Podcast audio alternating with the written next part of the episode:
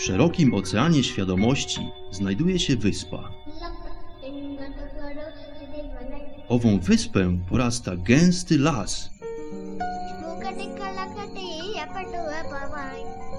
W dalekiej głębi tego właśnie lasu znajduje się słoneczna polanka.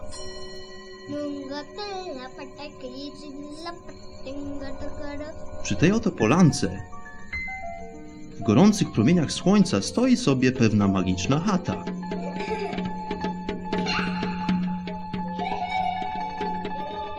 Właśnie tam żyje pewien mistyk.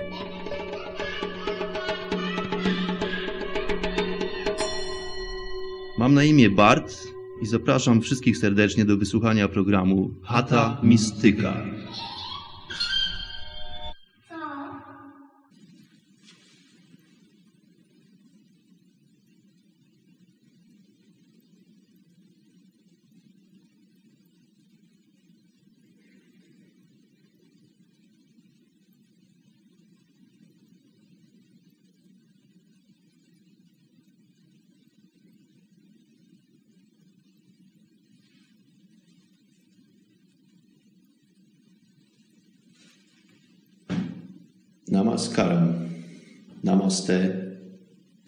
Wszystkich serdecznie na wstępie.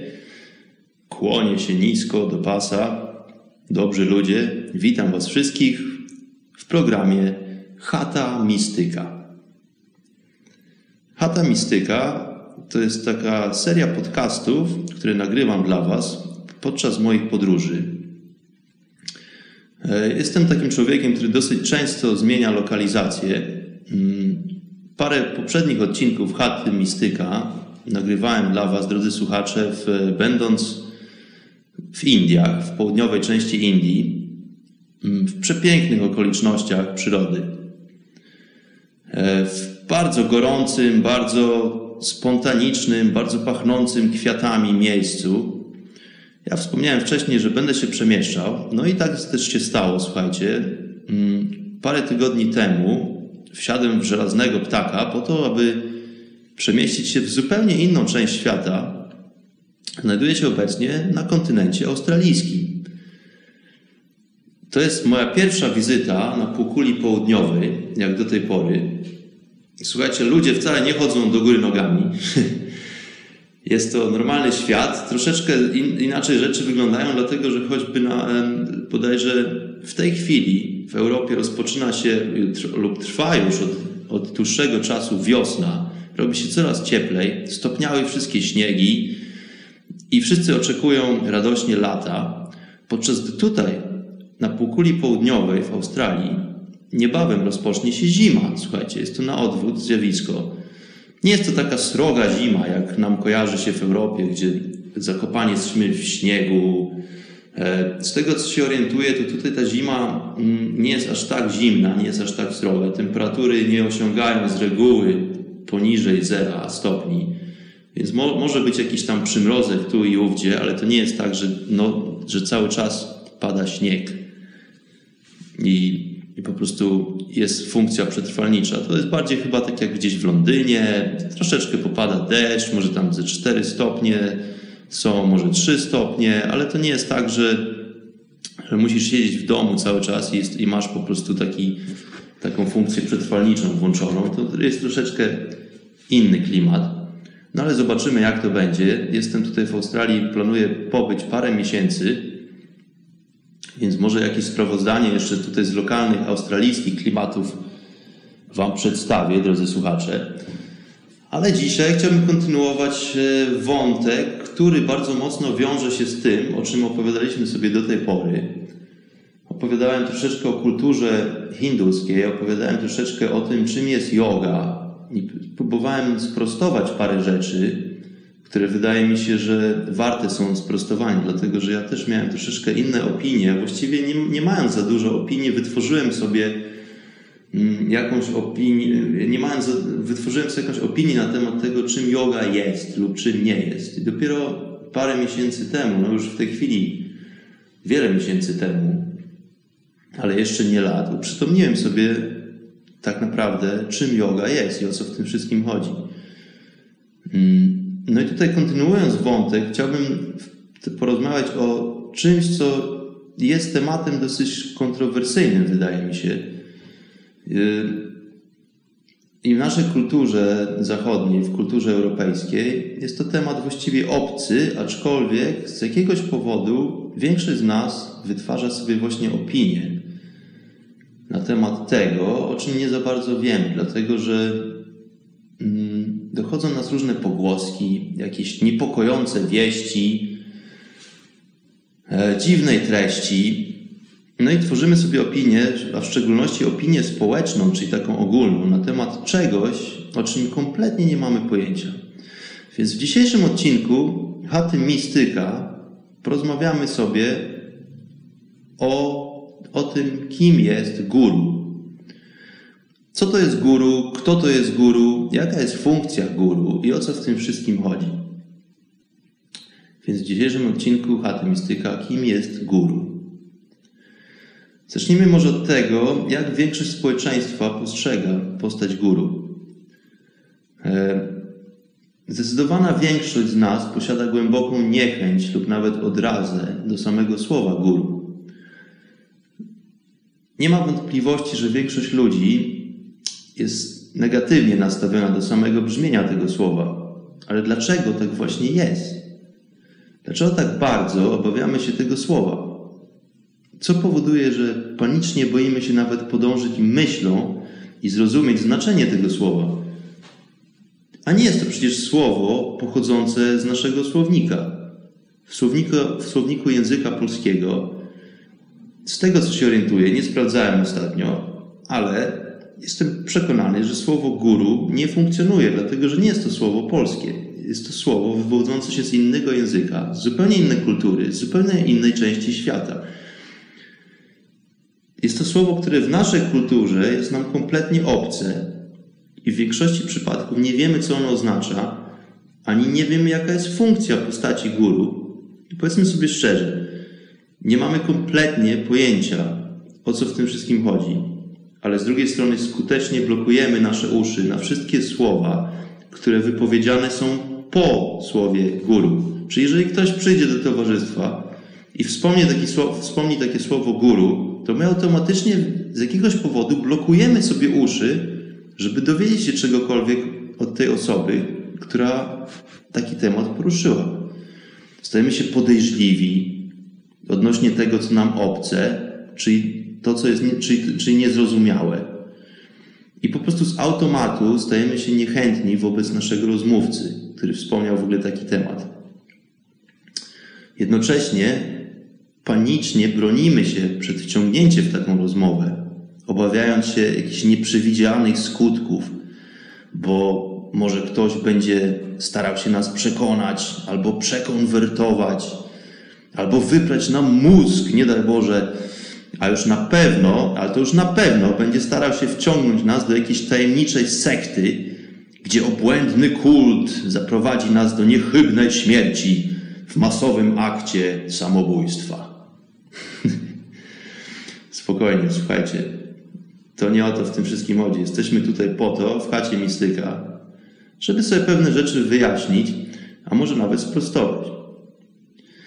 Liczę bowiem na to, drodzy słuchacze, że skoro spotykamy się tutaj, w chacie Mistyka, i skoro w ogóle trafiliście tutaj na falę tego radia, radia na fali, które jest wybitnym przedsięwzięciem, to ufam, że jesteście na tyle otwarci i chętni do poznawania świata poprzez alternatywne sposoby, że nie będziemy się automatycznie blokować i pozbawiać opcji na dowiedzenie się czegoś.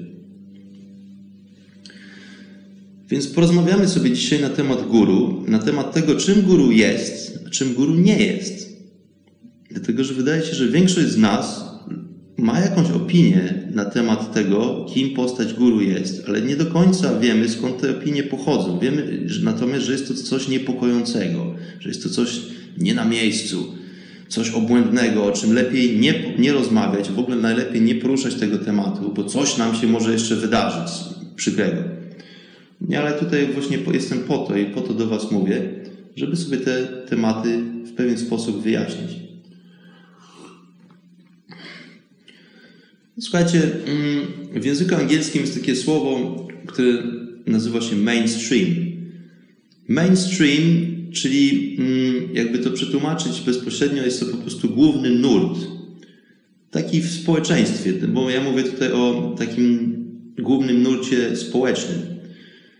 No i na czym to polega? To polega na tym, że obracamy się zwykle w bardzo określonych kręgach. Jest to nasz dom, nasza rodzina, nasza praca, nasi znajomi, może jakaś grupa przyjaciół. Jest to po prostu ogół. To, jest tak, to są takie kręgi, do których przynależymy i które uznajemy za naszą grupowość. Czyli my jesteśmy częścią tej grupy mm, i czujemy przynależność do tej grupy. No i na czym to polega?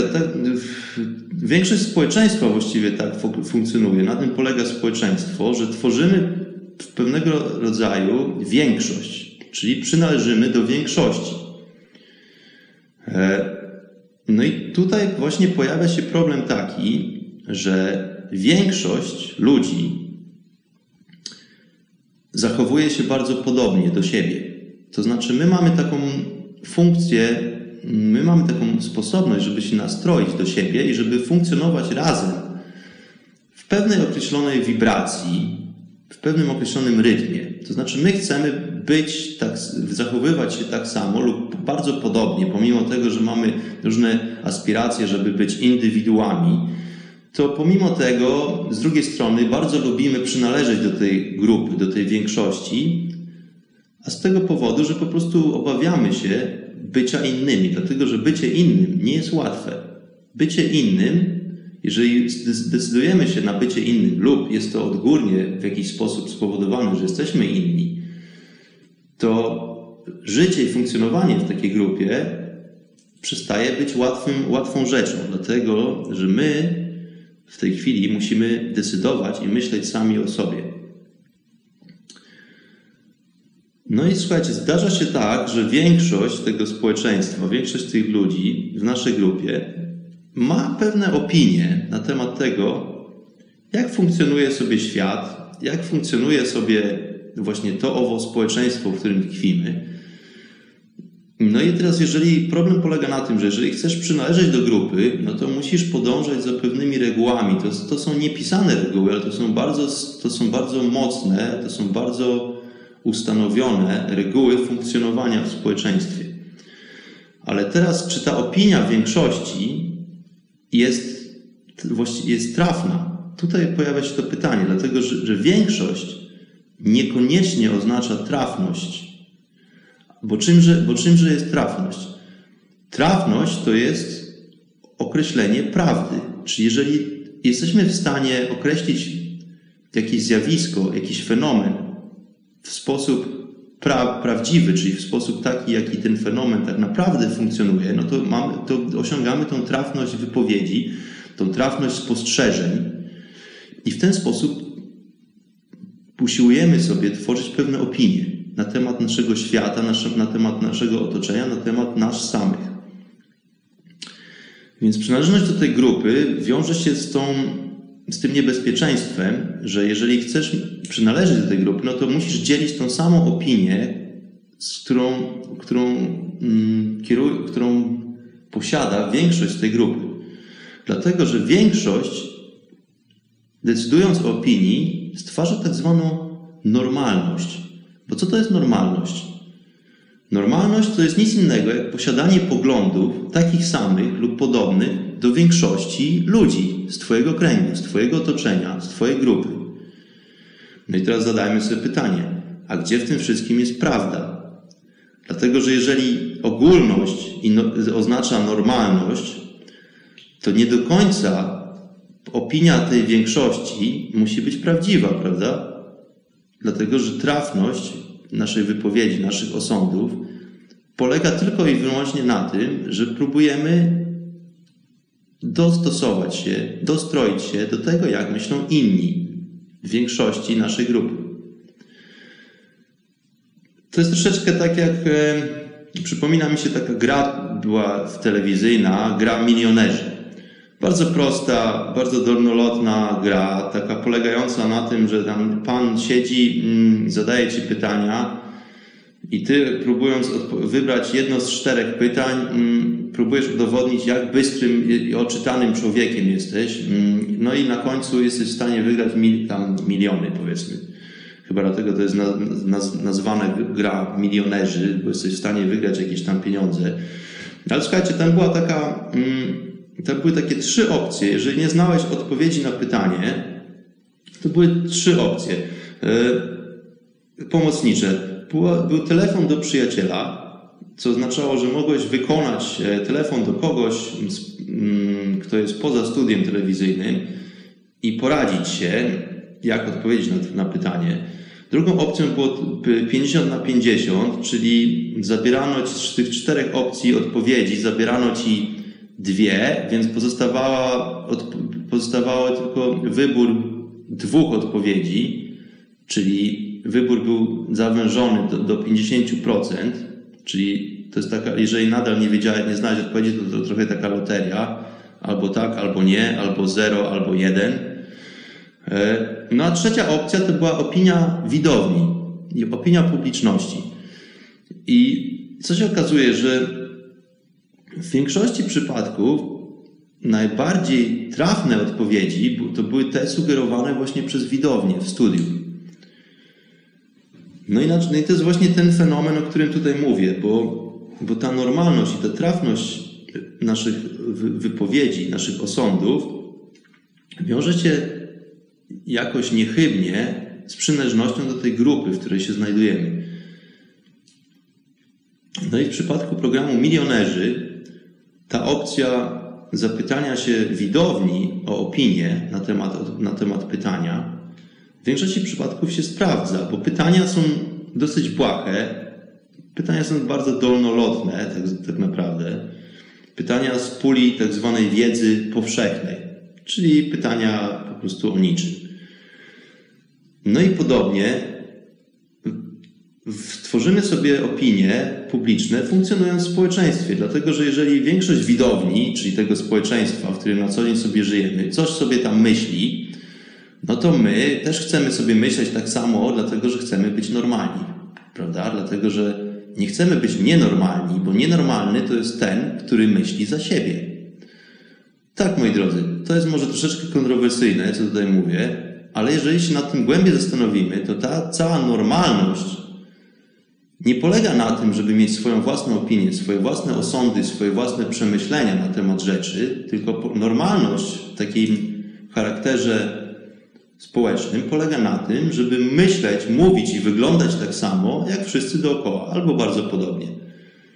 Czyli teraz w momencie, jeżeli ty robisz coś innego niż większość społeczeństwa, czyli jeżeli ty jesteś tym jednym procentem w 99% grupy stuosobowej, E, i wyglądasz inaczej, bo masz na przykład e, fioletowe włosy, albo mm, wszyscy chodzą do kościoła, a ty nie chodzisz do kościoła, albo wszyscy jedzą mięso, a ty nie jesz mięsa, albo dajmy na to 99% pije wódkę, a ty chcesz zapalić jointa, no to jesteś nienormalny, dlatego że nie robisz tego, co 99 postaci w twoim szczepie. No i tutaj polega, tutaj cały szkopu polega na tym, żeby sobie po prostu tą definicję normalności i bycia w społeczeństwie uświadomić. I tu warto zadać sobie pytanie, czy my naprawdę jako indywidua chcemy być normalni. Dlatego, że ja uważam, że nie jest tutaj żadną szkodą po prostu wykroczenie spoza tego społeczeństwa, spoza mm, tych ogólnie uznanych reguł i, i po prostu podjęcie próby myślenia samodzielnego i stworzenia sobie własnych oglądów na temat świata. No i może poniekąd taką próbą dla mnie jest tworzenie tego podcastu, dlatego że mm, no właśnie chodzi o to, żeby nie podążać za tą grupą tych owieczek takich bezmyślnych, beczących, tylko po prostu, żeby czasami się zatrzymać i może samemu dojść do pewnych wniosków, no a skoro jeszcze pojawia się okazja taka, żeby się podzielić tymi wnioskami z innymi, no to właśnie tutaj mm, to tutaj właśnie coś takiego próbuję przeprowadzić. No ale słuchajcie, dzisiaj o guru, o tym, kim jest guru, jaka jest funkcja, dlaczego, ten, dlaczego to pojęcie, samo to słowo guru jest tak źle kojarzone. No właśnie dlatego, że to jest taka gra w, milioner, taka gra w milionerów, słuchajcie. To nieważne, co jest tak naprawdę, tylko ważne jest, jak to się nam jawi w społeczeństwie.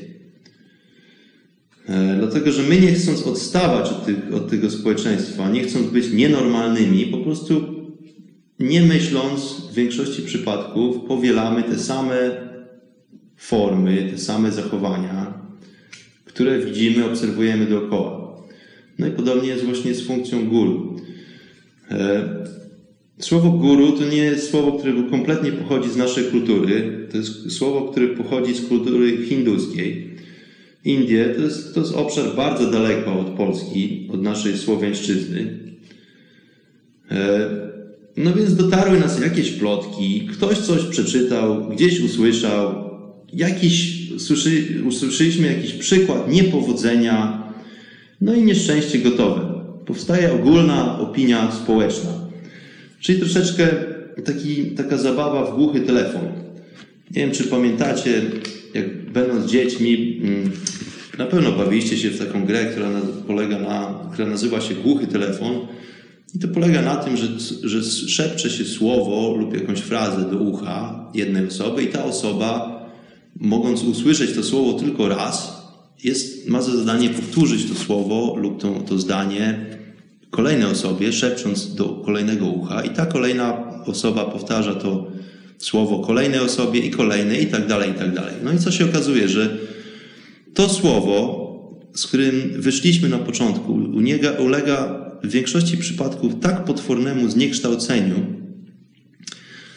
przestaje mieć to samo znaczenie, pojawia się dodatkowe słowo gdzieś po drodze, także staje się to komiczne i śmieszne, dlatego ta gra jest tak zabawna dla dzieci, dlatego że to pierwsze słowo zamienia się w kompletnie inne słowo i poprzez ten proces całej tej transformacji na samym, koń, na samym koniuszku tego łańcuszka ludzkiego pojawia się zupełnie inne słowo, które w większości przypadków nie ma nic wspólnego z tym, z czym wyszliśmy na początku. No i ja to sobie porównuję troszeczkę właśnie do takiej opinii społecznej, dlatego że jeżeli nie wiemy, jakie słowo było lub jaki problem jest u źródła, no to będziemy powtarzać tylko jakieś głupoty po tym, co, co kto inny nam powiedział i będziemy to przekazywać dalej, no bo nie ma innej możliwości. Dlatego, że jakoś musimy uczestniczyć w tej grze, w społeczeństwo i musimy być w niej jakoś cały czas obecni. Więc często spotykamy się z taką formą niechęci wobec słowa guru, która to nie jest tak naprawdę niczym uwarunkowana. Bo skoro coś jest nam obce, czyli po prostu nieznane, to często dochodzimy do wniosku, że jest to po prostu niepotrzebne. Bo przecież jakby było potrzebne, to byśmy wiedzieli o tym, tak? Bo jesteśmy tacy bystrzy, inteligentni i mądrzy, że skoro jest coś, o czym nie wiemy, no to, to, to dochodzimy do wniosku, że widocznie nie musimy o tym wiedzieć. Jest to kompletnie zbędne, więc sobie tym nie zaśmiecamy głowy.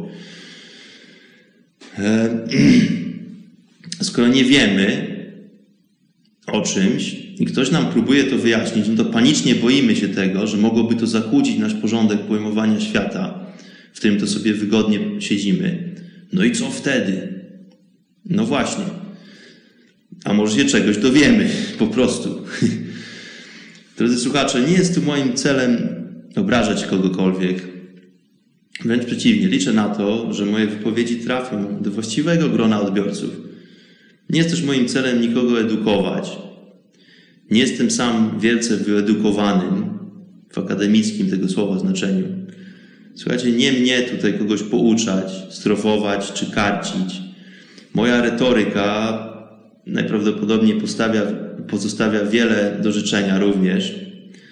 E, ale nie o to w tym, wszystkim chodzi. Słuchajcie, swoimi własnymi słowami, może nieprofesjonalnymi, ale moimi własnymi, próbuję tutaj opowiedzieć Wam o moich wnioskach i zachęcić Was do rozumowania w troszeczkę inny, alternatywny sposób. Ja jestem przekonany, że wiele ludzi, którzy słuchają ten program, którzy słuchają tego radia, myśli inaczej i właśnie powstaje, dlatego, że powstaje ten zgrzyt taki przynależności, przynależności do, do tej grupy, do społeczeństwa, no to właśnie znajdujemy sobie takie różne alternatywne formy, takie jak właśnie te podcasty, te radia, te różne warsztaty na YouTubie. No i znajdujemy sobie takie inne, alternatywne grona, które jak gdyby nie narzucają nam mm, formy myślenia. No i próbujemy się dowiadywać w różne alternatywne sposoby o tym, jak funkcjonuje ten świat, a niekoniecznie tak, jak prezentuje to właśnie mainstream, czyli ten główny nurt społeczny.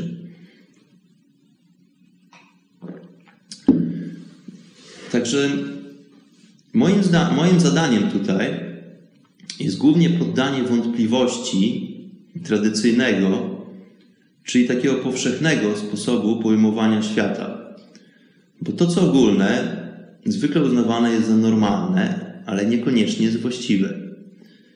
Więc jeżeli tylko uda mi się w zaledwie paru przypadkach pokazać jakąś inną, alternatywną drogę odczuwania, czy też bycia częścią świata lub stworzenia, będzie to swoistego rodzaju sukces dla mnie, jako autora tego podcastu.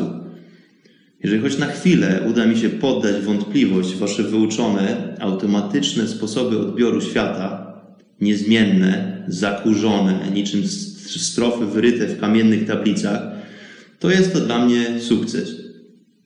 To oznacza, że udało mi się zasiać nasiono na właściwym gruncie. Czy wyrośnie z niego roślina, mały krzaczek, a może potężne drzewo, to już zależy tylko od Ciebie, drogi słuchaczku.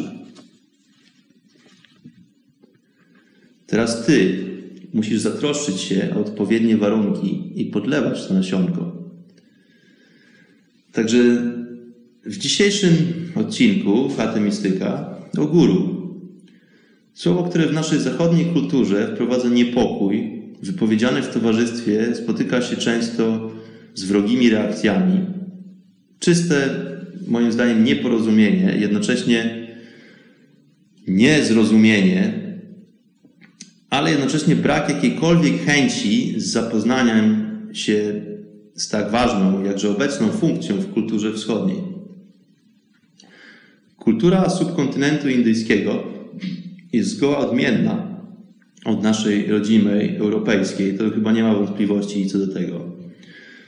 Nasza kultura europejska, jeżeli popatrzymy na historię, tak naprawdę jest stosunkowo młoda.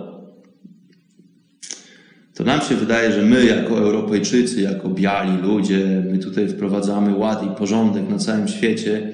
Nie, nie, słuchajcie, wszystkie podboje kolonialne to jest pic na wodę. Wszystkie, wszystkie, wszyscy Kolumbowie i Vasco da Gama i wszyscy ci inni po prostu szubrawcy i łupieżcy to jest jedna wielka ściema, słuchajcie. Na, tym, na tej planecie istnieją kultury starsze niż nam się wszystkim wydaje, dlatego że nam się wydaje tylko to, co nam powiedziano w szkołach. Nam się wydaje, że to jest jedyna i słuszna wiedza, a, a tak naprawdę ja uważam, że nie jesteśmy pierwszą kulturą na tej planecie. Zresztą często to wspominam. Jest wiele przypadków, mm, jest wiele przykładów na to, że nie jesteśmy tu pierwszą kulturą. No, definitywnie kultura hinduska, kultura pochodząca z, pół, z tego półkontynentu indyjskiego jest bardzo, bardzo stara. No i z niej wiele możemy się nauczyć, tylko musimy po prostu nauczyć się przede wszystkim na samym wstępie otworzyć umysły, otw musimy wyrazić chęć nauczenia się czegoś innego, do czego jesteśmy przyzwyczajeni do tej pory, do, do, do, czegoś innego niż jesteśmy przewałkowani przez ten cały nasz system edukacyjny. Nie tylko w Polsce, ale we wszystkich innych krajach europejskich. E, no i dzisiaj rozmawiamy sobie o guru. Kultura tego kontynentu, subkontynentu indyjskiego jest goła odmienna od naszej rodzimy europejskiej.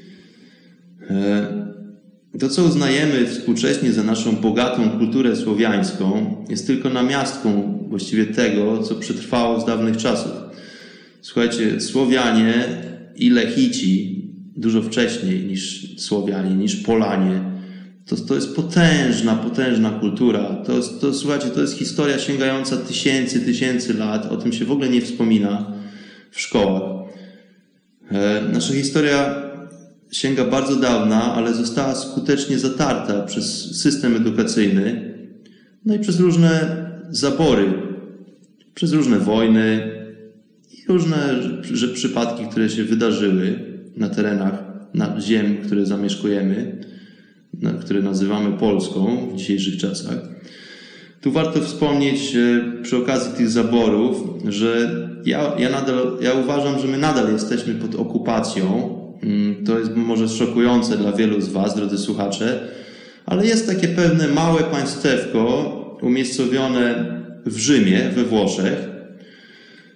E, małe, bardzo ciche, aczkolwiek jakże wpływowe i potężne. Słuchajcie, to państewko nazywa się Watykan. Ja uważam, że jesteśmy nadal pod okupacją Watykanu. Mm. Słuchajcie, chrzest Polski nastąpił w roku 966.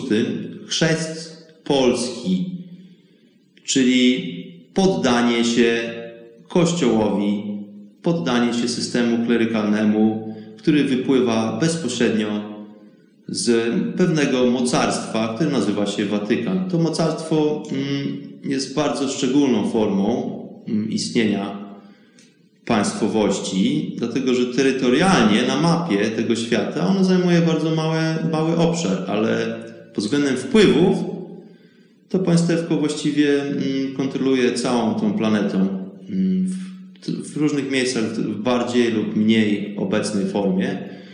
Ja uważam, że odkąd nastąpił chrzest Polski w 1966 roku, jesteśmy pod okupacją, tak to się nazywa. Słuchajcie, to nie jest, to nie jest forma e, okupacji militarnej, dlatego że to nie jest tak, że czołgi stoją lub rycerze z, z szabelkami i pilnują porządku. To już tak nie jest, ale wszystkie krucjaty krzyżowe, wszystkie wojny wszczęte w imię e, Boga, Jezusa i Trójcy Świętej i tak dalej, to jest rezultat tego, że po prostu jest państewko, które tym wszystkim kontroluje. Państewko bez obszaru takiego właściwego, aczkolwiek państewko, które ma aspiracje do tego, żeby być państwem globalnym, żeby po prostu przejąć i kontrolować wszystkich na tej planecie. No i to w, naszych, w naszej kulturze, pomimo tego, że mamy bardzo bogatą kulturę, słowiańską, kulturę słowiańską i prasłowiańską, pochodzimy od szczepów lechickich, e, no to wszystko to zostało bardzo skutecznie zmyte z powierzchni, e, zatarte. No i postarano się o to, żeby na lekcjach historii w dzisiejszym systemie edukacyjnym e, nie wspominano, żeby postarano się o to, żeby nie, nie było nic wspominane z historii naszego kraju, z, historii naszych dziadów, pradziadów sprzed roku 966. Słuchajcie, ja chodziłem do szkoły bardzo dawno temu, aczkolwiek nie sądzę, żeby to się zmieniło. Jeżeli mm, to się zmieniło, to bardzo proszę mnie poinformować, ale z tego co wiem, na lekcjach historii do tej pory nie uczy się dzieci niczego sprzed okresu chrztu Polski, czyli sprzed roku 966. Po prostu to państwo, ta zbiorowość słowiańska nie istnieje.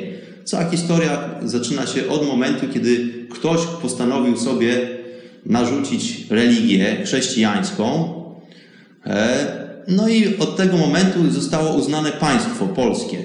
Dlatego, że my nie jesteśmy Polską sprzed, my nie jesteśmy Polakami e, sprzed roku 966. No ale to już nie będę w to zagłębiał. Słuchajcie, moim zdaniem jesteśmy nadal pod okupacją. Mm, bardzo ubolewam nad tym, że nasza bardzo bogata kultura, historia nie jest uczona w szkołach dlatego że ktoś uznał sobie, jakiś pan minister edukacji i ktoś tam jakiś kolejny pan minister z panem premierem mm, to zatwierdzili, że po prostu to państwo nasze, ta zbiorowość nie istnieje przed chrztem Polski. No i to, tak, to jest, jest to taka myśl jest kontynuowana w dzisiejszych czasach. No słuchajcie, zostawmy sobie tutaj te rzeczy. Są osoby, które skutecznie postarały się o to, aby nie było historii, a o to, aby również nie było duchowości w naszej kulturze, a, a z drugiej strony postarali się o to, żeby była religia, żeby był katolicyzm i żeby było zakłamanie. No a tutaj, tutaj z drugiej strony, w Indiach, jest to kultura bardzo bogata, bardzo stara, bardzo autentyczna, można by powiedzieć, i tak silnie zakodowana w społeczeństwie, że pomimo różnych wpływów zewnętrznych, takich jak najazdy muzułmanów, czy chociażby w późniejszym okresie zabór Brytyjczyków, e, te główne nurty kultury przetrwały. No i w tym wszystkim powszechna bardzo duchowość, nie religijność, duchowość, wspominałem o tym wcześniej. Duchowość niekoniecznie z automatu musi się kojarzyć z religijnością. Jest to moim zdaniem coś kompletnie rozbieżnego tak naprawdę. No i słuchajcie, pozostało mnóstwo rzeczy obecnych w kulturze tej pradawnej, w kulturze indyjskiej.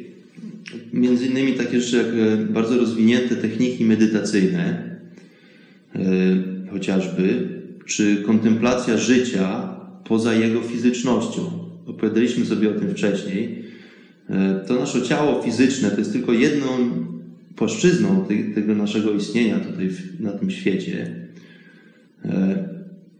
No i w naszej kulturze europejskiej, w kulturze naszej chrześcijańskiej nie za bardzo się o tym mówi, są to tematy zakazane, aczkolwiek wydaje się jak, bardzo, jak ważne, bo przecież to ciało nasze to jest tylko ciało fizyczne. Oprócz tego istnieją różne inne e, płaszczyzny naszego istnienia tutaj w świecie. Jesteśmy ciałem energetycznym, jesteśmy ciałem emocjonalnym. Słuchajcie, e, jest to naprawdę wielopłaszczyznowość istnienia. To nie jest tylko worek flaków, które, który nosimy ze sobą, który trzeba nakarmić i, i wygodnie położyć przed telewizorem. To nie o to chodzi. My w życiu musimy również pamiętać o tym, że mamy całą sferę duchową, całą sferę energetyczną, którą trzeba pielęgnować.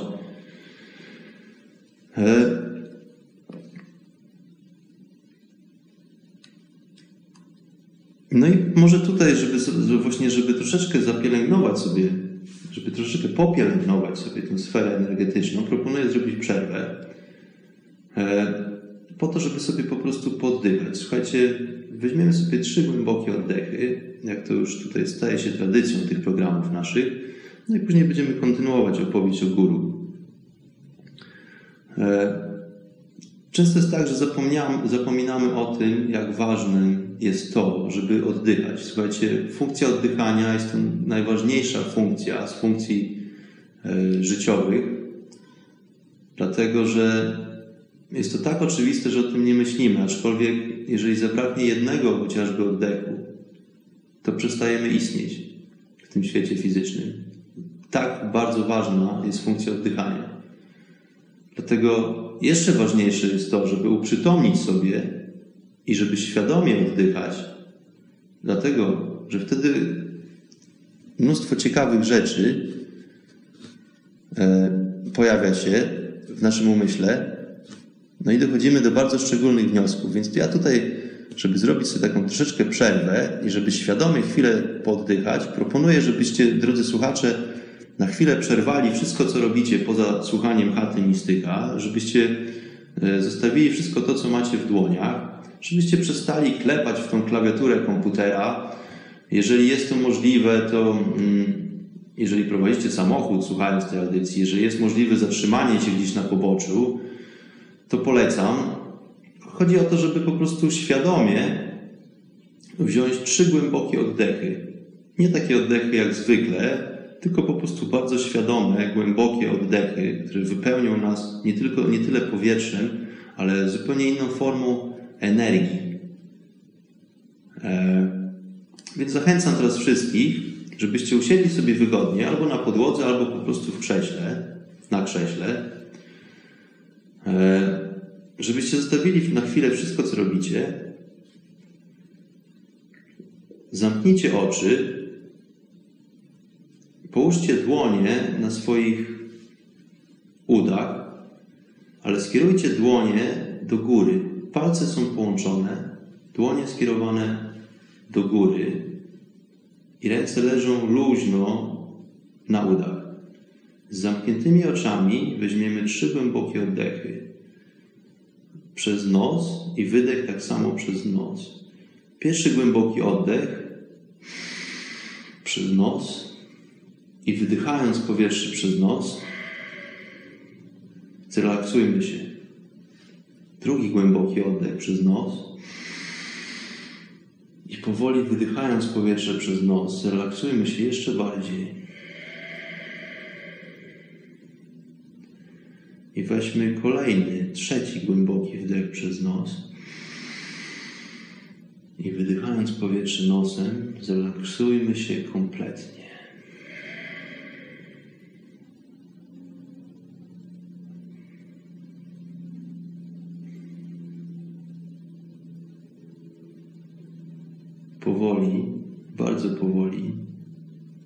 Otwórzcie oczy. i rozejrzyjcie się dookoła.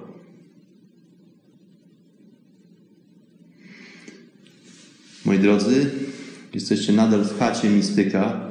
Jakże dobrze poddychać czasami. Jestem przekonany, że zauważacie kompletną różnicę po tych zaledwie trzech głębokich wdechach i wydechach. To są tajemnice działania naszego systemu, tajemnice działania naszego ciała, naszego organizmu, naszego umysłu. To są rzeczy, na które nie zwracamy uwagi. To są rzeczy, które bierzemy bardzo często za, za oczywiste, aczkolwiek nie są one tak błahe, a zmieniają tak wiele. Słuchajcie, trzy głębokie oddechy są w stanie nas zrelaksować tak niesamowicie i dostarczy nam tak wiele energii po to, żeby kontynuować dalej tą niebagatelną i przejażdżkę w naszym stworzeniu, w naszej świadomości. Powracamy, słuchajcie, do tematu guru. Słowo, które pochodzi z głębokiej, pradawnej kultury indyjskiej. No i słuchajcie, okazuje się, że w Indiach to słowo guru nie jest tak kontrowersyjne, jak, jak, jakie, jakim jest w naszej kulturze zachodniej. Aczkolwiek to słowo guru nie zawsze jednak mile jest odbierane, nawet w kulturze indyjskiej. A czemu? Dlatego, że w kulturze, gdzie ta funkcja jest dosyć powszechna i znana od bardzo dawna, trafiają się po prostu fałszerzy, czyli tak zwani oszuści czy naciągacze. Innymi słowy, ludzie, którzy po prostu wykorzystują innych ku własnym celom, zwykle finansowym, czy też wchodzą tu w rolę względy popularności. Tacy oszuści udają guru, a często ludzie naiwnie za takimi podążają.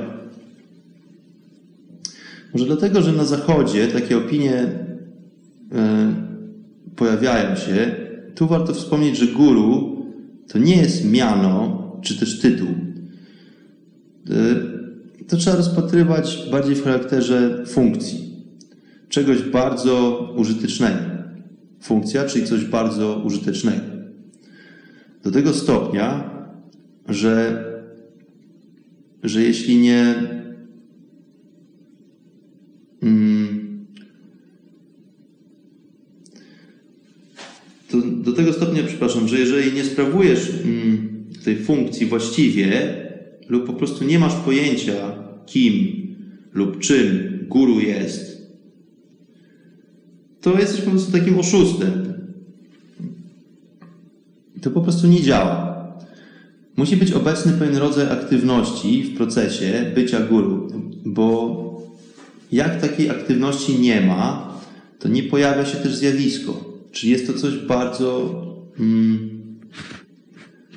jest, jest to coś, co musi funkcjonować. Czyli jeżeli nie, jeżeli nie spełniasz tych funkcji, no to nie, to nie możesz nazywać się guru, dlatego że to po prostu nie działa. Czyli jesteś takim fałszerzem, naciągaczem.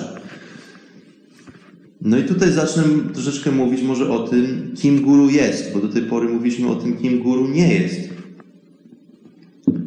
E, to teraz powiedzmy sobie troszeczkę o tym, o co w tym wszystkim chodzi. Otóż guru to jest właściwie takie urządzenie. Dlatego, jak to z urządzeniami bywa, albo urządzenie działa, albo nie działa. Jeżeli działa prawidłowo, to jest to takie urządzenie, które może otworzyć i udostępnić w pewnym sensie takie części ciebie, które do tej pory były pozamykane, zaklejone, zakopane, zablokowane czy po prostu zapomniane. Przez co innymi słowy, po prostu niedostępne w Twoim życiu. Moc guru jest tak potężna, że może pomóc Ci otworzyć drzwi, których to bałeś się do tej pory otworzyć. Czasami drzwi, o których nawet nie wiedziałeś, nie miałeś pojęcia. To jest takie urządzenie, które nam jawi się jako człowiek, pewnego rodzaju mędrzec, mistyk, które to umożliwia nam pewne procesy, ale jest to forma urządzenia, jeżeli tak naprawdę na to popatrzymy. Mm, powiedziałem, że guru może Ci pomóc, ale nie powiedziałem, że może odrobić za Ciebie brudną robotę. To zadanie domowe każdy z nas musi zrobić samodzielnie. Z tego powodu to też prawdziwy guru nie może nam zaszkodzić. Dlatego, że jeżeli rozumiemy, o co, o co w tym wszystkim chodzi z postacią guru, no to jesteśmy również w stanie uświadomić sobie, uprzytomnić sobie, że nie jest to ktoś, kto może nam w jakikolwiek sposób zaszkodzić, dlatego że ten cały proces przebiega w nas samych, nie w kim innym. I ten cały proces jest kierowany przez nas samych, tylko i wyłącznie.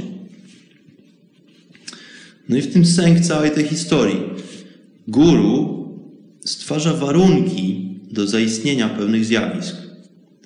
Otwiera w pewien sposób portale, które mogą Cię zaprowadzić w doskonałe, niedostępne do tej pory miejsca. Ale aby nastąpiły jakiekolwiek procesy, muszą zaistnieć odpowiednie warunki. Czy jest to reakcja chemiczna, czy jest to zjawisko pogodowe, czy społeczne, muszą uprzednio powstać lub zaistnieć odpowiednie ku temu warunki. Więc jeśli chcesz doznać zjawisk duchowych, ty sam musisz postarać się o odpowiednią formę wrażliwości. No i przede wszystkim musisz chcieć. Musisz też wypracować swoją formę percepcji świata, aby stać się bardziej podatnym na to, co nie pochodzi od bodźców zmysłowych. Czyli tutaj też wspomniałem o tym, że nie, jeżeli chcesz myśleć samodzielnie, to nie możesz kierować się opinią społeczeństwa. Dlatego, że trafność Twoich wniosków nie będzie bazowała na tym, jak myśli większość, jak myśli 99%, tylko jeżeli chcesz poznać prawdę, to musisz zobaczyć, ujrzeć rzeczy takimi, jakimi one są, bo prawda to jest po prostu to, co jest. To nie jest, to nie jest jakiś wniosek, nie jest jakaś opinia, tylko to jest to, czym dana rzecz jest. No jeżeli zrobisz pierwszy krok w stronę poznania pozazmysłowego i podasz w wątpliwość wszystko to, co do tej pory uważałeś za oczywiste, wtedy właśnie stajesz się poszukiwaczem prawdy. To właśnie tutaj rodzi się rebeliant, kiedy postanawiasz wykroczyć poza bariery Twoich zmysłów, które to tak Cię zniewalają. Chcesz ujrzeć świat takim, jakim on jest, a nie takim, jak go interpretuje Twój umysł czy Twoje społeczeństwo. Tu właśnie pojawia się Twój guru. Ktoś, kto już wykonał kawał dobrej i zarazem brudnej roboty za Ciebie. Ktoś, kto oferuje Ci pomocną dłoń. Ktoś, kto oferuje Ci tak wiele, właściwie wszystko, nie spodziewając się w zamian od Ciebie nic. Jeżeli te ograniczenia, które narzucają na nas nasze zmysły i umysł, który to ustawicznie zakłamuje wizję świata, sprawiają, że nasza wolność zostaje odebrana w pewnym stopniu przez nas samych, to guru staje się prawdziwym bojownikiem o naszą wolność. Jego zaangażowanie w nasze wyzwolenie jest całkowite i często nawet wysiłek, z jakim to robi, jest większy niż nasz własny, dlatego że on rozumie, o co w tym wszystkim chodzi. To dlatego, że on już wie, dlatego, że on już jest po drugiej stronie i wie, jak istotne jest, aby uwolnić Ciebie od iluzji. On Cię nie zmusi. Jest tylko swoistego rodzaju drogowskazem, który musisz umieć, umieć dostrzec. Jest właściwie rodzajem takiej mapy, która, jeśli potrafisz ją czytać, zaprowadzi cię do celu. Okej, okay, teraz pytanie pojawia się, czy, czy potrzebujesz mapę, żeby się poruszać? Hmm, czy można to zrobić samodzielnie? Czy rzeczywiście, czy naprawdę potrzebujemy tego guru? Słuchajcie, ja uważam, że można próbować, nie ma takiego zakazu. I wielu próbowało, wielu się również zawiodło. Wielu się nie, za, nie, wielu się nie, nie powiodło, wielu się nie udało. Są, słuchajcie, różne metody, które dają Ci przebłysk świadomości, wykracz, świadomości wykraczającej poza rzeczywistość zmysłową. Są różne sposoby, ludzie sięgają po różne mm, substancje, używki, ale mm, to nie, nie, nie zawsze jest właściwa droga. Jest na przykład alkohol, są dragi. E, tutaj nie mam wątpliwości, że, one, że te, te sposoby działają błyskawicznie, ale pozytywny efekt nie utrzymuje się za długo. Pozytywny może być tylko dlatego, że uwalnia cię chwilowo od takiej potocznej percepcji poprzez twoje zmysły. I to jest jak gdyby jedyny pozytywny efekt, że on ci, z, mm, że te wszystkie środki, alkohol i narkotyki, zaburzają ci takie codzienne, funkcjon codzienne funkcjonowanie umysłu i wtedy masz jak gdyby szansę, żeby wykroczyć poza tą percepcję, poza tą postrzeganie świata poprzez zmysły. Ale większość z nas nie ma takich umiejętności, żeby wykorzystać ten moment. Substancje zaburzają to, co potoczne funkcjonowanie zmysłów powoduje. Wtedy mamy tą chwilową okazję, aby spróbować wyjrzeć poza te granice fizyczności. To jest taki moment, to jest takie mgnienie. Ale efekty działania substancji szybko przestają oddziaływać na, na zmysły, więc jeśli nie potrafimy wykorzystać we właściwy sposób tego krótkotrwałego stanu umysłu, albo jesteśmy od danej substancji uzależnieni, czy jesteśmy w stanie osiągnąć takie stany umysłu tylko przy udziale substancji, to jest to po prostu moim zdaniem strata czasu. I mnóstwo ludzi ten czas swój straciło w taki sposób. Jeżeli ktoś wierzy, że osiągnie oświecenie bez własnego wysiłku, poprzez wrzucanie jakichś kolorowych pigułek, no to jest moim zdaniem po prostu głupcem. Nikt ani nic nie załatwi sprawy za ciebie. Jeżeli wiesz, jak używać substancji i potrafisz znieść się ponad widzialne, to wykorzystaj to doświadczenie do dalszych eksploracji, do poszukiwania prawdy. Jeżeli natomiast używasz substancji, żeby się rozerwać, zerwać czy zapomnieć, to przestań się oszukiwać. Każdego może oszukać, drogi słuchaczu, drogi, droga słuchaczko, ale nie siebie. I taka jest prawda. Jeżeli myślisz, że jakakolwiek substancja poszerzy Twoją świadomość i Ty już nic nie musisz robić, to jesteś nadzwyczajnie w świecie leniem. Słuchajcie, ja tutaj nie mówię o tym, żebyście nie, nie używali substancji, nie bierzcie dragów, nie palcie trawki. Nie, mówię wręcz przeciwnie. Bierzcie, używajcie, ale róbcie to tak, jakbyście obchodzili się z bardzo drogocennymi narzędziami. To są narzędzia, które nie tylko trzeba potrafić używać, które trzeba mieć umiejętność używania, e, tylko po prostu to trzeba trenować i wykorzystywać mm, w celu dalszych, dalszego poznania. To nie, to nie może być jedyna metoda do pozyskiwania stanów umysłu, w, którym, w których e, dowiadujemy się o prawdzie. Więc jeżeli uważasz, że takie substancje, takie sposoby to jest jedyny sposób, że nie ma po prostu innej opcji, żeby dotrzeć w te miejsca, no to jest, moim zdaniem jesteś po prostu leniem. Dodatkowo nie jesteś na drodze wyzwolenia, ale raczej zniewolenia, bo zamiast być wolnym, czyli decydować o wszystkim w Twoim życiu, bo na tym chyba wolność polega, że decydujesz o wszystkim, teraz Twoje stany umysłu są po prostu generowane przez kolorowe pigułki, jeżeli jesteś od nich uzależniony. Więc to nie Ty decydujesz, tylko chemikalia w Twoim mózgu.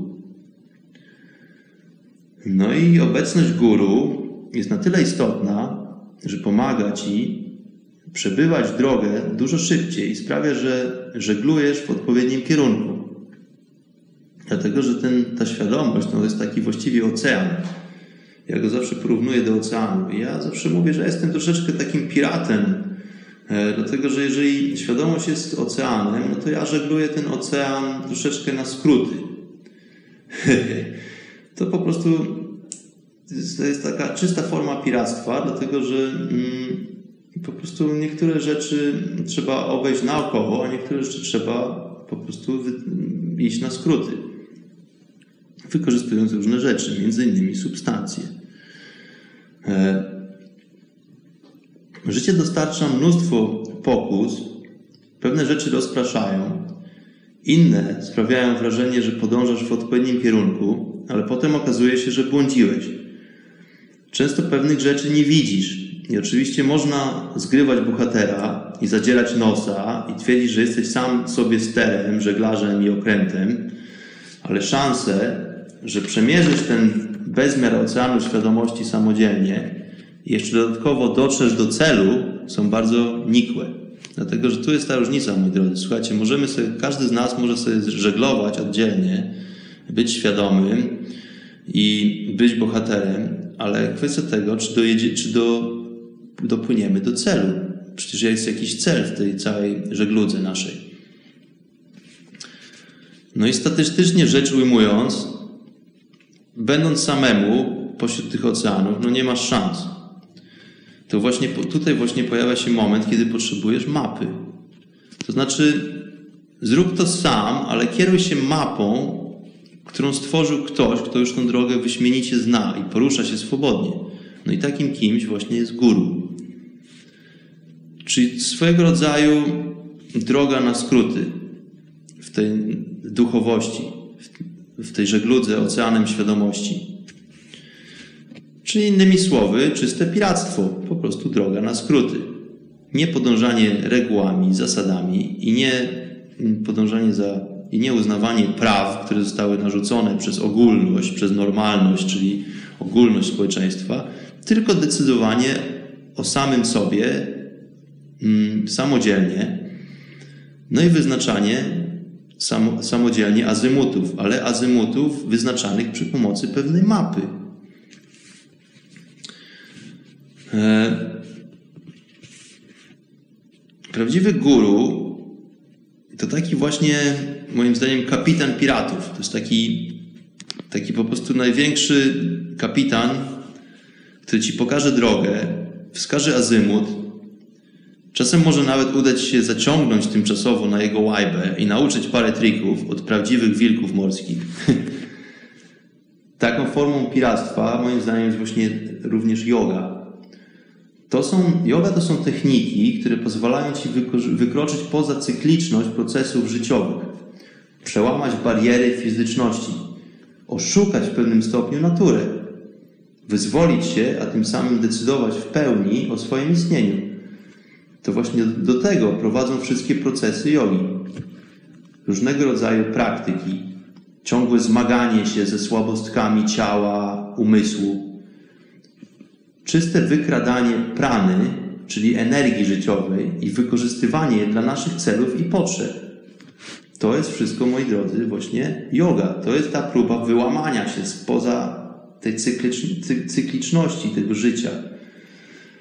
No a tutaj opowiemy, a teraz, mm, co oznacza tak naprawdę słowo guru.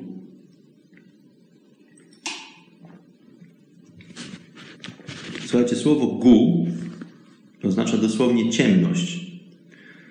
To jest, e, to nie chodzi o ciemność, czyli brak światła, czyli noc. To bardziej chodzi o zrozumienie ciemności jako formy niewiedzy lub nawet ignorancji.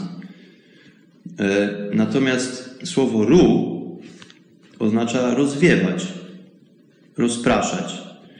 No i co, o co w tym wszystkim chodzi? Rozwiewamy obawy, możemy rozpraszać obawy, tak samo jak wiatr rozprasza chmury.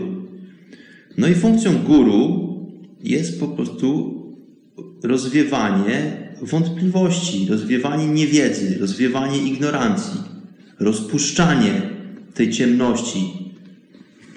Guru, czyli ciemność i ru, rozwiewanie, rozwiewanie ciemności. Guru jest rodzajem narzędzia, pochodzącym z innego wymiaru, tak naprawdę. który to za pośrednictwem energii rozprasza Twoją ignorancję, czyli Twoją niewiedzę i wyczula Cię na aspekty istnienia poza wymiarem fizycznym. Jest to zatem bardzo praktyczne narzędzie. To nie jest jakaś teoria czy jakaś instrukcja obsługi, tylko słuchajcie, czysta praktyka, czyli to, co się wykorzystuje. To jest to, co działa. Nie jest to żadna religia, jak to często jest mylone. To coś zupełnie przeciwstawnego. Tutaj nie chodzi o czczenie kogoś lub czegoś. To nie jest żaden kult postaci. Bycie w towarzystwie guru nie musi być powiązane z niezrozumiałymi rytuałami. Mogą pojawiać się pewne praktyki czy też techniki, które pomagają nam w procesie poznawczym. Zwykle jest to medytacja. Samo przebywanie w towarzystwie guru uruchamia bowiem procesy energetyczne, które ogromnie wspomagają rozwój duchowy. Jak to się dzieje?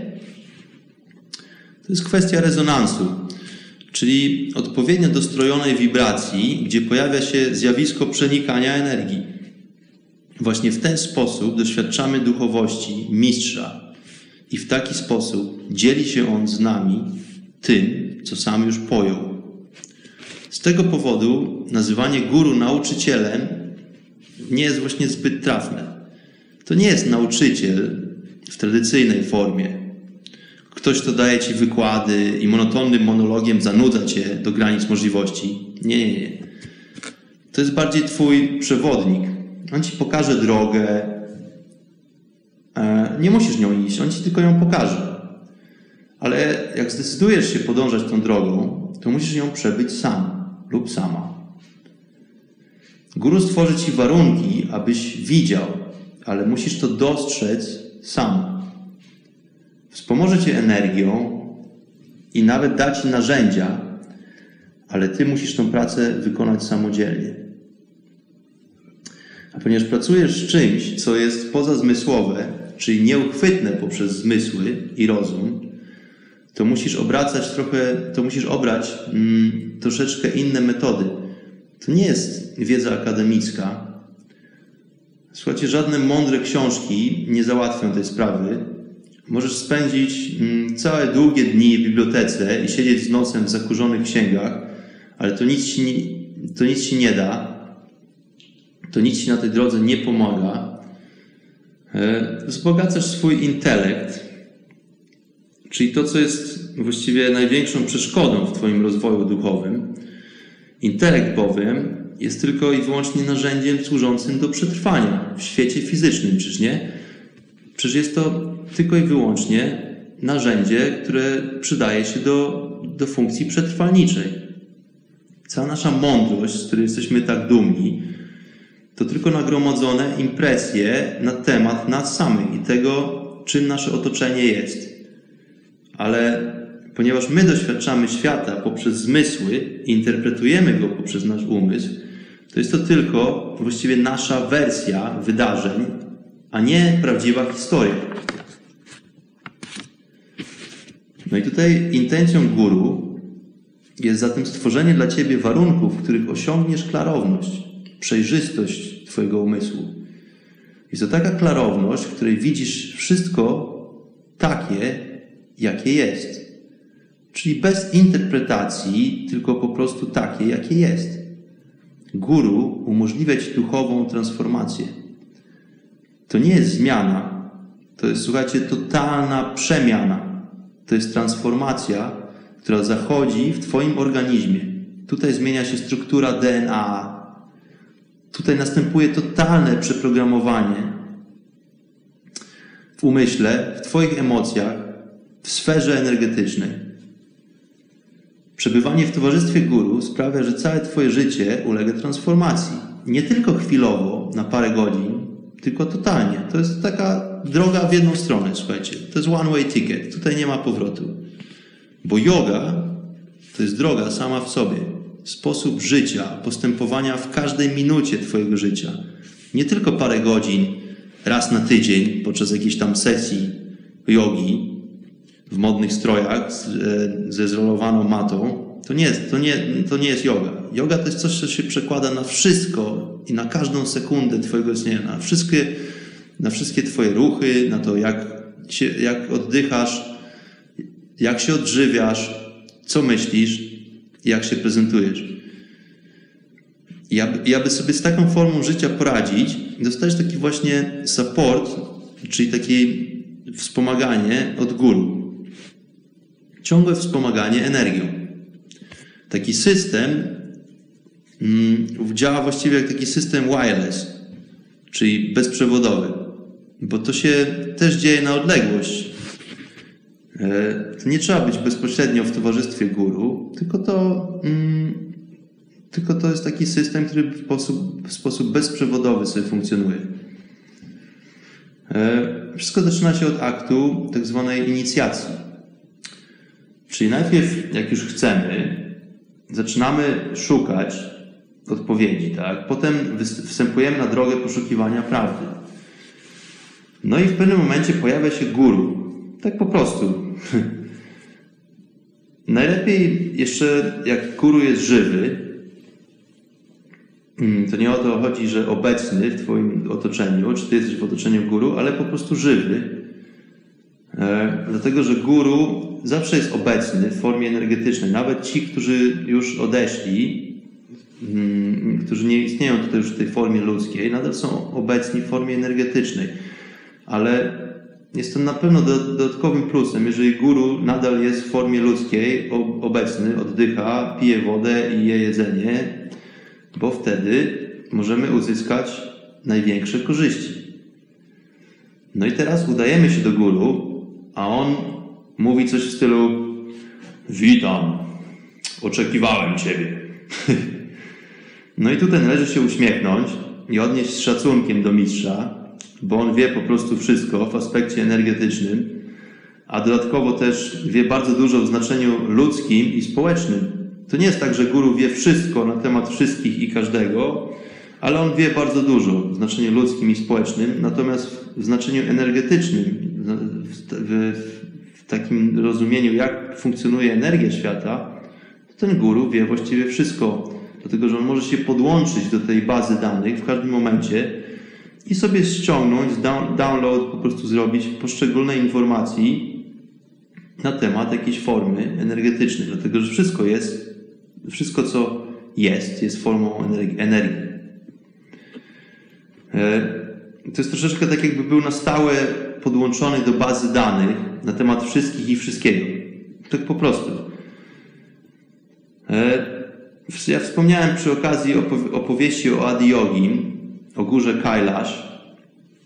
No i to właśnie działa w ten sposób. E, góra Kailash jest takim potężnym, twardym dyskiem wszystkich historii energetycznych związanych tutaj z tą planetą, z tą galaktyką i z funkcjonowaniem tej, z funkcjonowaniem tej części e, kosmosu.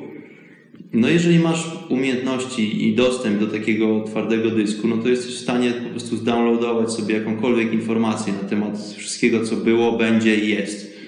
W znaczeniu energetycznym oczywiście.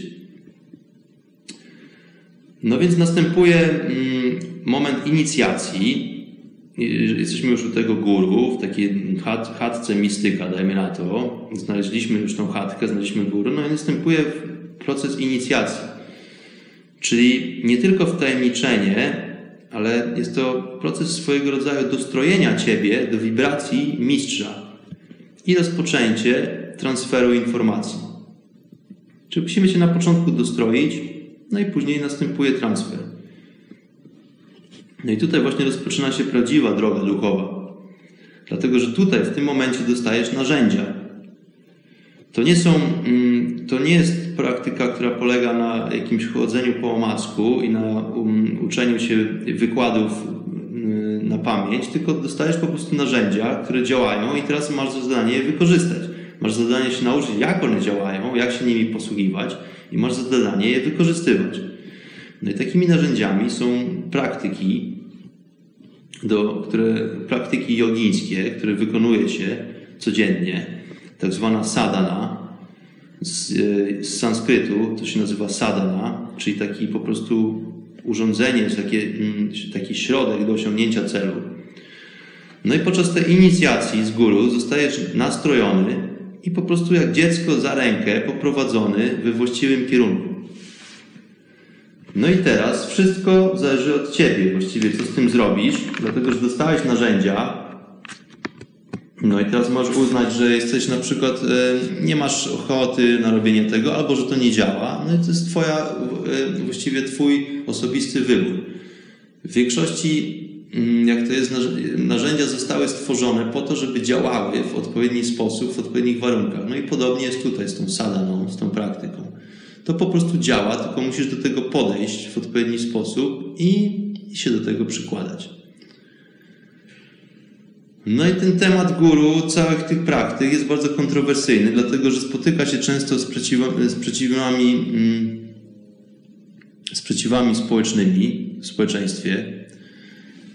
Zwykle lokalna ludność mm, tam, gdzie znajduje się guru, tam, gdzie guru postanowił swoje praktyki mm, przekazywać dalej, e, zwykle lokalno, lokalna ludność robi największe problemy. Guru zawsze jest na celowniku.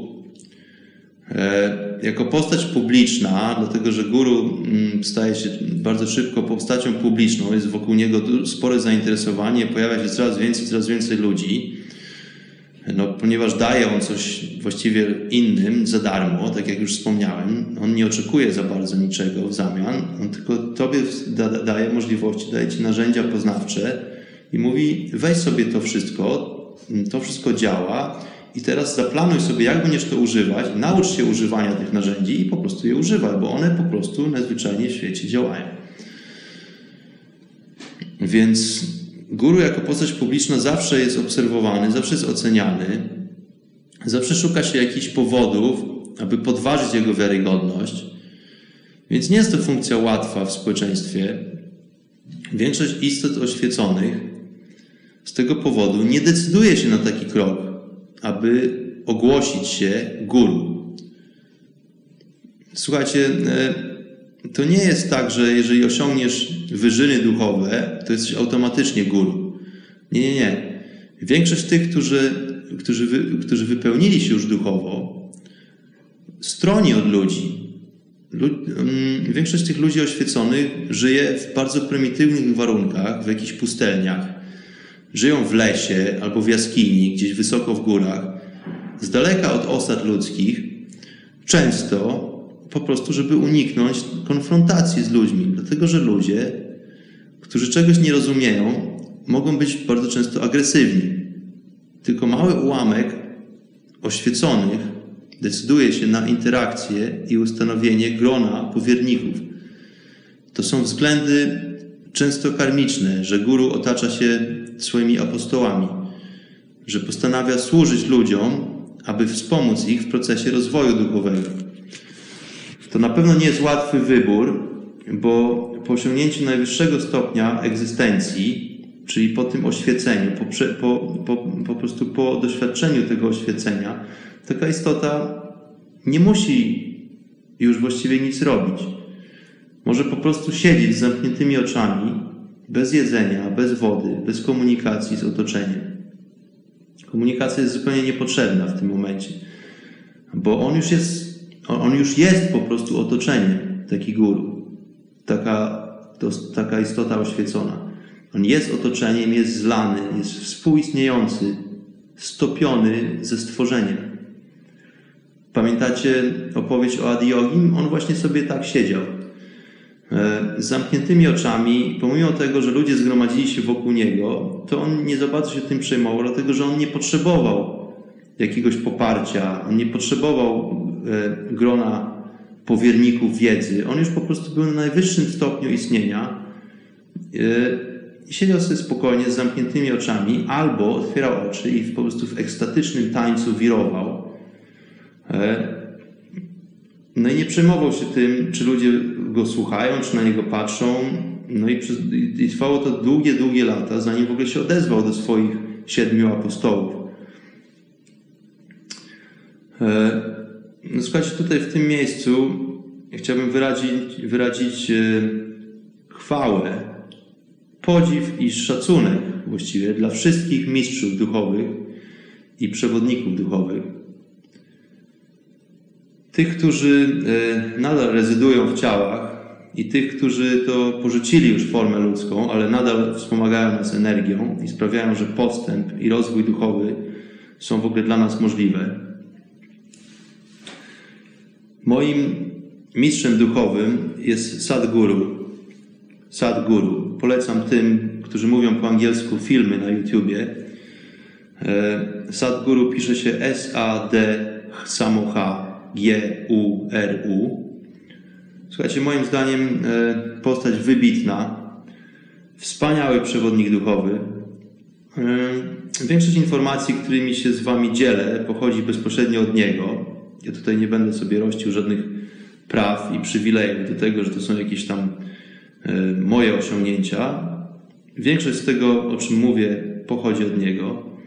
I tu wielkie wyrazy podziękowania i szacunku. I ogromna wdzięczność za wkład Sadguru w rozwój nie tylko mój, ale milionów ludzi na całym świecie. E, tym akcentem zakończę opowieść dzisiejszą o tym, kim jest guru, kim funkcja, jak, czym funkcja guru jest w społeczeństwie. Ja bardzo, bardzo zachęcam Was wszystkich do, e, do dalszego poszukiwania i pogłębiania tematu. Mm, zachęcam wszystkich do zapoznania się z, do zapoznania się z postacią Sadguru. Ja myślę, że udało mi się, mam nadzieję, że udało mi się troszeczkę wyjaśnić tutaj wątpliwości krążące wokół tematu guru. No na pewno nie wyczerpałem tematu, to jest tylko taka namiastka e, tego bardzo głębokiego mm, tematu, który no, będziemy sobie jeszcze tutaj e, eksplorować w przyszłych odcinkach. Myślę, że taką zajawkę tutaj zaprezentowałem, która w pewien sposób tłumaczy nam i rozwiewa te wątpliwości i zachęca do tego, żeby dowiedzieć się o tym, czym i kim guru jest i dlaczego jest to taka funkcja, która w naszej kulturze jest zupełnie obca, nieznana i niezrozumiała. E, bardzo miło było mi wypowiadać się dla, do Was, drodzy słuchacze. E, mam na imię Bart. Pozdrawiam wszystkich bardzo, bardzo serdecznie. Będę kończył ten odcinek podcastu. E, zapraszam wszystkich serdecznie do kolejnego odcinka Chaty Mistyka i będziemy sobie rozgrzebywać różne inne ciekawe, trudne, skomplikowane tematy. No i mam nadzieję, że uda mi się napomknąć parę ciekawych rzeczy i naprowadzić Was na różne ciekawe wnioski. Pozdrawiam wszystkich serdecznie, trzymajcie się zdrowi i zapraszam wszystkich do kolejnego odcinka Chaty Mistyka.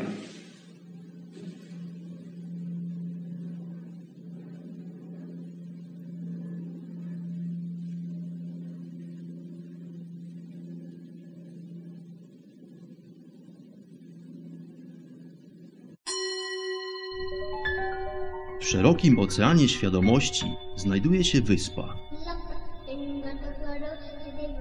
Ową wyspę porasta gęsty las. W dalekiej głębi tego właśnie lasu znajduje się słoneczna polanka.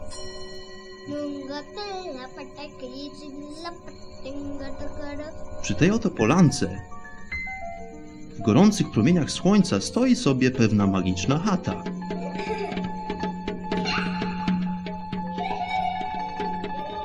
Właśnie tam żyje pewien mistyk.